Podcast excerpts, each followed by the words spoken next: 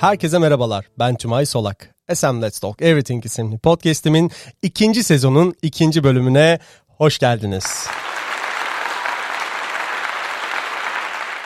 Bu hafta geçtiğimiz aylarda okuduğum İnovasyonu Haritalamak, İnovasyonun 10 tipi ve Fintech İnovasyonu isimli kitaplarda sözü edilen kurumlarda uygulanmaya çalışılan inovasyon yöntemlerini değerlendiriyor olacağız. Hadi başlayalım. İlk olarak yazar Greg Settle tarafından kaleme alınan İnovasyonu Haritalamak isimli kitaba dair notlarımı sizlerle paylaşmak istiyorum. Öncelikle inovasyon tek bir olayın eseri olmadığı, iç içe geçen etkenlerin ve sıklıkla onlarca insanın dahil olduğu bir fikrin ilk keşif anından dünya üzerinde somut bir etki yaratacak noktaya geldiği bir süreç olduğunu her zaman hatırlamak gerekir. Bu nedenle de inovasyonu hayatının bir parçası haline getiren firmalara bakıp süreçlerini kopyalamanın hiçbir anlamı olmaz. Her şirketin kendine özgü bir kültürü, çalışma prensipleri, stratejileri ve öncelikleri yer almaktadır. Tabi bu noktada pes edip bırakmaz bırakmak olmaz. Bu nedenle de ya inovasyon ya ölüm dememek için öncelikle şu adımları uygulamalıyız. İlk olarak aktif olarak şirketin benzer faaliyet alanlarındaki problemleri araştırmak. İkincisi şirketin yeteneklerine, kültürüne ve stratejilerine uygun problemleri belirlemek. Üçüncü sırada problemleri anlayabilmek için problemlerin tanımını ve alanını sorgulamak. Dördüncü adım yetenek, teknoloji ve enformasyon ekosistemlerine erişmek amacıyla çeşitli platformları kullanmak ve son olarak şirket içerisinde departmanlar arası işbirliği kültürlerini oluşturmak.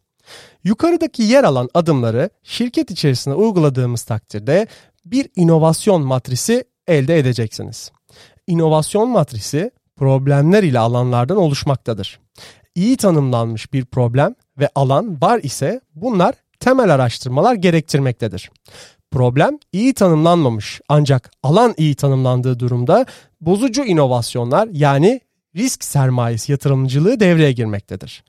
Alan iyi tanımlanmamış ancak problem iyi tanımlandığı durumda ise çığır açıcı inovasyonlar yani açık kaynaklı inovasyon çalışmaları yer almaktadır. Hem problem hem de alan iyi tanımlanmamış ise de sürdürülebilir inovasyon bizleri beklemektedir. Bu kapsamda yol haritamız dahilinde operasyonel mükemmellik için mühendislik çalışmaları yapabilir, şirket içerisindeki fikirleri katma değer yaratan birer ürün ya da hizmet haline getirebiliriz. Sırada yazar Larry Keeler tarafından kaleme alınan İnovasyonun 10 tipi isimli kitaba dair notlarımı sizlerle paylaşmak istiyorum. Bu kitap ile ilgili paylaşmak istediğim konu inovasyonu kurumlar içerisinde teşvik etme sanatıdır. Nasıl mı? Tabii ki de kurum içerisinde etkin bir inovasyon kültürü tesis ederek. Kolaysa gel sen yap dediğinizi duyar gibi.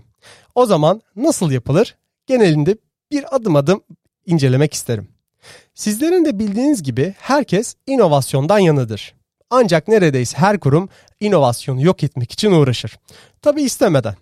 Burada önemli olan başarılı sonuçları teşvik eden, ödüllendiren ve mümkün kılan bir inovasyon sistemi oluşturmak için uyulması gereken bazı prensipler vardır.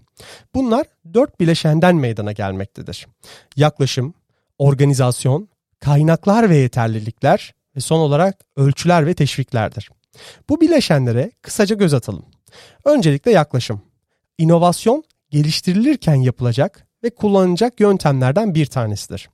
Organizasyon bu işin nerede gerçekleşeceği ve yatırımın geri kalanına nasıl bağlanacağıdır.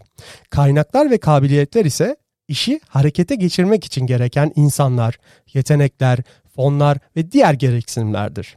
Son olarak ise ölçüler ve inisiyatifler gelişimimizi nasıl değerlendireceğimizi, başarıyı nasıl takip edeceğimizi ve güzel davranışları nasıl ödüllendireceğimizi belirlemektedir.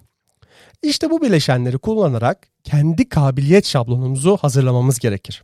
Bu sayede kurumların inovasyona dair tasarım süreçlerinde daha düşünceli ve bilinçli olmalarına destek olmaktadır.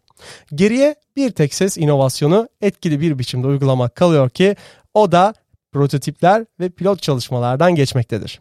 Sonuçta inovasyon kısıtlı kaynak ve zaman içerisinde iş modelinin çalışıp çalışmadığını anlamak, işlemek değil midir? Son olarak ise yazar Paolo Sironi tarafından kaleme alınan Fintech İnovasyonu isimli kitaba dair notlarımı sizlerle paylaşıyor olacağım. Finansal teknoloji şirketleri yani fintechler 2008 ila 2010 yılları arasında özellikle de Silikon Vadisi'nde ortaya çıkan girişimlerdir. Temelde bakıldığında faaliyet alanları içerisinde borç verme, ödemeler, robo danışmanlık, analiz gibi alanlara odaklanmışlardır. Böylelikle de bankalar iş modellerini yıkabilecek girişimler ile günümüzde karşı karşıya gelmişlerdir. Bakıldığında finansal firmalar ile teknoloji tedarikçileri arasında köprü olan fintech girişimleri temelinde optimizasyon olan büyük veri ve analizi, yapay zeka ve oyunlaştırma gibi kavramlara hakim olarak ürün ve hizmet geliştirmektedir. Temel amaçları yatırımlardaki karar verme süreçlerinde gözden kaçırabilecek her türlü anlamlı olabilecek veriyi özetleyerek kişinin karar verme sürecini kolaylaştırması ve beklenen faydanın maksimize edilmesi olarak özetleyebiliriz. Asıl soru ise bankalar söylendiği gibi yıkılacak mı? Dürüst olmam gerekirse kişisel düşüncem bankalar yok olmayacak. Ancak bilinen hizmetlerin yanı sıra fintech girişimlerinin ürün ve hizmetlerini benimseyeceğini, API tabanlı geliştirmeye açık altyapılarını güçlendireceğini ve bireysel odaklı yapılardan sürdürülebilirli odaklı yapılara evrileceğini düşünüyorum. İhtimaller söz konusu olsa dahi unutulmamalıdır ki bankaların oyun alanı bir hayli regülasyonlara dayanılır. Devletlerin koruması altında olan ilgili kanunlar ve kanun yapıcılar kontrolü elden bırakmak istemeyeceklerdir. Ancak siber güvenlik ve blok zincir teknolojisi gibi gelişmelerin önünde durmak yerine desteklenmesi uzun vadede önce bankaların sonra da devletlerin lehine olacağına düşünüyorum. Özetlemek gerekirse. Her üç kitap içerisinde de kurumsal bakış açısıyla ele alınan inovasyon faaliyetlerinin aslında ortak noktası inovasyonun diğer işlere kıyasla zahmetli bir iş olduğu ortaya çıkıyor. Her zaman inovasyonun %1'ini oluşturan ilham kutlanırken %99'u ise başarısızlık, uykusuzluk ve saatlerce çalışmaktan ibarettir. İnovasyon bir trend değil, katma değer yaratan bir süreçler topluluğudur.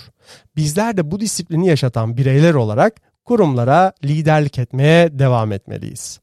Evet, bu haftalık da benden bu kadar. Umarım sizler de benim kadar keyif alıyorsunuzdur.